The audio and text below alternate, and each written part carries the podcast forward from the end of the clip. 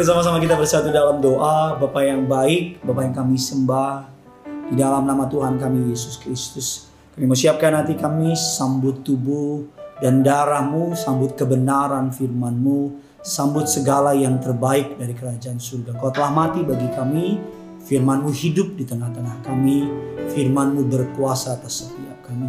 Kami mau siapkan hati kami, sambut kebenaran firman Tuhan. Pakai hambamu untuk boleh menjadi seorang berkat, tidak bibir perkataannya diurapi dari surga. Kata kalimat yang keluar, isi hati Tuhan yang disampaikan. Nama Tuhan yang diagungkan, umatmu dikuatkan, kami diberkati. Di dalam nama Tuhan Yesus, Allah Roh Kudus, engkau disambut di tengah-tengah kami. Amin. Belajar dari pohon ara. Kita semua tahu kisah pohon ara yang dikutuk. Suatu hari Yesus bersama dengan murid-muridnya berjalan kaki dari Betania menuju Yerusalem. Di tengah perjalanan mereka karena perjalanannya cukup jauh antar kota, tubuh mereka mungkin menjadi letih dan mereka mungkin menjadi lapar. Dari jauh mereka melihat sebatang pohon ara yang rimbun. Kita mengatakan mereka berteduh di pohon ara itu, namun yang mengejutkan Yesus mencari buah dari pohon ara tersebut. Dan yang menarik, pohon ara tersebut tidak berbuah. Dan Yesus pun kita mengatakan mengutuk pohon ara tersebut dan ketika beberapa hari mereka kembali ke tempat yang sama, pohon ara tersebut menjadi kering dan mati. Yang, yang membuat saudara dan saya heran, mungkin saya berpikir, mengapa Yesus mengutuk pohon ara tersebut? Bukan karena lapar, karena Alkitab mencatat Yesus dapat menahan lapar 40 hari dalam berpuasa. Bahkan Yesus pun dapat memberi makan 5.000 orang dengan hanya 5 roti, dua ikan. Tetapi Yesus mengutuk pohon ara tersebut, pohon ara mati agar iman para murid tumbuh. Pohon ara mati agar iman para murid tumbuh. Karena ketika esok harinya mereka kembali dan perjalanan keluar dari Yerusalem, Petrus berkata, Rabi lihatlah pohon ara yang kau kutuk itu sudah kering. Melihat keheran, keheranan Petrus dan murid-murid yang lain, Yesus tidak berbangga diri tetapi menjawab, percayalah kepada Allah Markus 11 ayatnya yang ke-22. Inilah nasihat terpenting yang hendak disampaikan Yesus melewat tragedi pohon ara tersebut. Di titik ini Yesus mau murid-muridnya percaya kepada dia, percaya kepada Allah. Aku berkata kepadamu sesungguhnya barang siapa berkata kepada gunung ini beranjaklah dan tercampaklah ke dalam laut asal tidak bimbang hatinya tetapi percaya bahwa apa yang dikatakannya itu akan terjadi, maka hal itu akan terjadi baginya. Karena itu aku berkata kepadamu, apa yang kamu minta, doakan, percayalah bahwa kamu telah menerimanya, maka hal tersebut akan terjadi kepadamu. Mari, ada tiga hal yang perlu kita lakukan agar kita tidak menjadi seperti pohon ara yang mati tersebut. Yang pertama, agar kita dapat bertumbuh. Yang pertama adalah mau pakai terminologi tumbuhan, matikan akar yang dangkal. Tuhan mau saudara mengalami mengikuti Tuhan. Kita benar-benar memiliki akar yang kuat di dalam Tuhan. Bukan hanya mengikuti Tuhan karena ikut-ikutan. Bukan hanya mengikuti Tuhan karena kata orang. Bukan hanya menjadi orang percaya karena agama nenek moyang.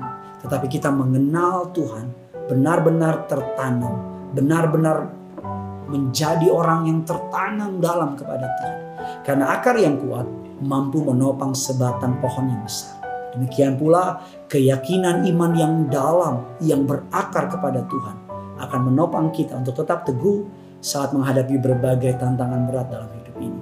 Firman Allah dan Kolose 2 ayat yang ke-7a, hendaklah kamu berakar di dalam dia dan dibangun di atas dia. Ketika kita memiliki akar di dalam dia, dibangun di atas dia, maka kita memiliki akar yang kuat. Mari jangan lagi main di kedangkalan, tapi main di kedalaman. Jangan lagi mengikuti Tuhan karena ikut-ikutan, tapi mengikuti Tuhan karena benar-benar kita memahami dia layak untuk diikuti. Yang kedua, agar kita bertumbuh menjadi orang-orang yang berbuah di hadapan Allah. Yang kedua adalah matikan batang yang kosong. Pastikan hidup kita menghasilkan buah yang dapat dilihat, dapat dinikmati oleh orang banyak. Batang yang kosong tidak akan dapat menghasilkan buah yang lebat. Batang keluar dari luarnya kelihatannya isi, kelihatannya kuat. Tapi ketika dipegang, dalamnya rapuh. Tuhan mau kita bukan hebat di luar. Tapi Tuhan mau kita hebat dari dalam. Karena yang dari dalam akan menentukan yang dari luar. Ketika dalam kita berakar, bertumbuh, kuat, penuh dengan nutrisi dari Tuhan. Firman Allah, kesaksian, kesaksian. Maka ketika dipegang, kuat. Ketika dipres, kuat. Dikatakan saudara bahwa batang yang kuat dapat menampung, dapat menahan buah-buah yang banyak. Firman Allah mengatakan demikian. Tetapi buah roh ialah kasih, sukacita, damai sejahtera, kesabaran, kemurahan, kebaikan, kesetiaan, kelemah lembutan, penguasaan diri. Tidak ada hukum yang menentang hal-hal tersebut. Ketika saudara dan saya memiliki batang yang kuat, bukan batang yang kosong, tapi batang yang isi. Jangan hanya menampilkan penampilan yang kelihatan di luar keren, tapi dalamnya berantakan. Mari akarmu kokoh, dibangun di atas dia, batangmu kokoh, bukan batang yang kosong. Yang ketiga, bagaimana belajar dari pohon ara. Yang ketiga, matikan daun yang rimbun. Artinya, pastikan kegiatan agamawi kita sejalan atau selaras dengan perbuatan kita. Daun yang rimbun pada pohon ara seumpama penampilan yang memikat, tetapi sebenarnya kosong. Penampilan yang kelihatannya baik, tapi sebenarnya tanpa buah.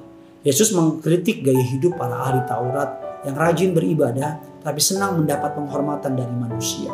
Hatinya mereka, hidupnya mereka penuh dengan kepalsuan. Di luar kelihatannya keren, tapi di dalam kelihatannya berantakan. Daun yang rimbun tanpa buah yang berisi percuma. Daun yang rimbun dengan batang yang kosong percuma. Daun yang rimbun, Alkitab katakan, tidak memiliki akar yang kuat akan sia-sia. Dikatakan tidak ada hal apa pun yang terjadi dalam hidup ini tidak ada hal yang tersembunyi di hadapan Allah. Dari keluar boleh dari luar kelihatannya boleh memikat, menarik, keren dan sebagainya. Tapi dalamnya ternyata kosong. Saya percaya Tuhan mengutuk pohon ara. Saya percaya tidak ada yang sia-sia dari perbuatan Tuhan Yesus. Tuhan mengutuk pohon ara agar kita dapat belajar, agar kita dapat bertumbuh. Hendaknya pohon iman kita bukan hanya berdaun lebat, melainkan juga kaya akan buah-buahan yang ranum, memberikan rasa yang enak, dan siapa pun orang dapat ber, berlindung dalam pohon iman kita. Siapa pun orang dapat merasakan kedamaian, sukacita dalam pohon iman kita. Mari pohon ara mati agar iman kita bertumbuh. Pohon ara mengalami yang namanya kematian agar iman saudara dapat bertumbuh. Akarmu kokoh bukan dangkal, batangmu kuat, dan daunmu bukan rimbun hanya kelihatan dari luar, tapi daunmu menghasilkan buah-buah yang menyenangkan bagi Tuhan. Bagikan kabar baik ini sebanyak mungkin pada orang-orang di sekitar di luar sana. Bilang sama mereka, hei mari belajar dari pohon ara. Agar kita sama-sama bertumbuh berbuah. Nama Tuhan yang dipermuliakan. Tuhan bukan hanya mau kita bertumbuh, tapi Tuhan mau kita berbuah. Karena kalau bertumbuh hanya untuk keuntungan diri kita sendiri. Tapi kalau kita mulai berbuah, orang lain boleh merasakan buahnya. Saya berdoa agar saudara diberkati Tuhan. Bertumbuh, berbuah, berakar, tertanam di dalam dia, dibangun di atas dia, melekat bagi dia. Menghasilkan buah-buah yang menyenangkan hati Tuhan. Dan orang di sekitar kita mengalami berkat, musisat, karena bertemu dengan kita. Jangan lupa like, jangan lupa komentar di bawah. Bagaimana saudara ingin bertumbuh dan berbuah. Dan jangan lupa subscribe channel ini. Karena yang punya surga, crazy in love with you and with you. 拜拜。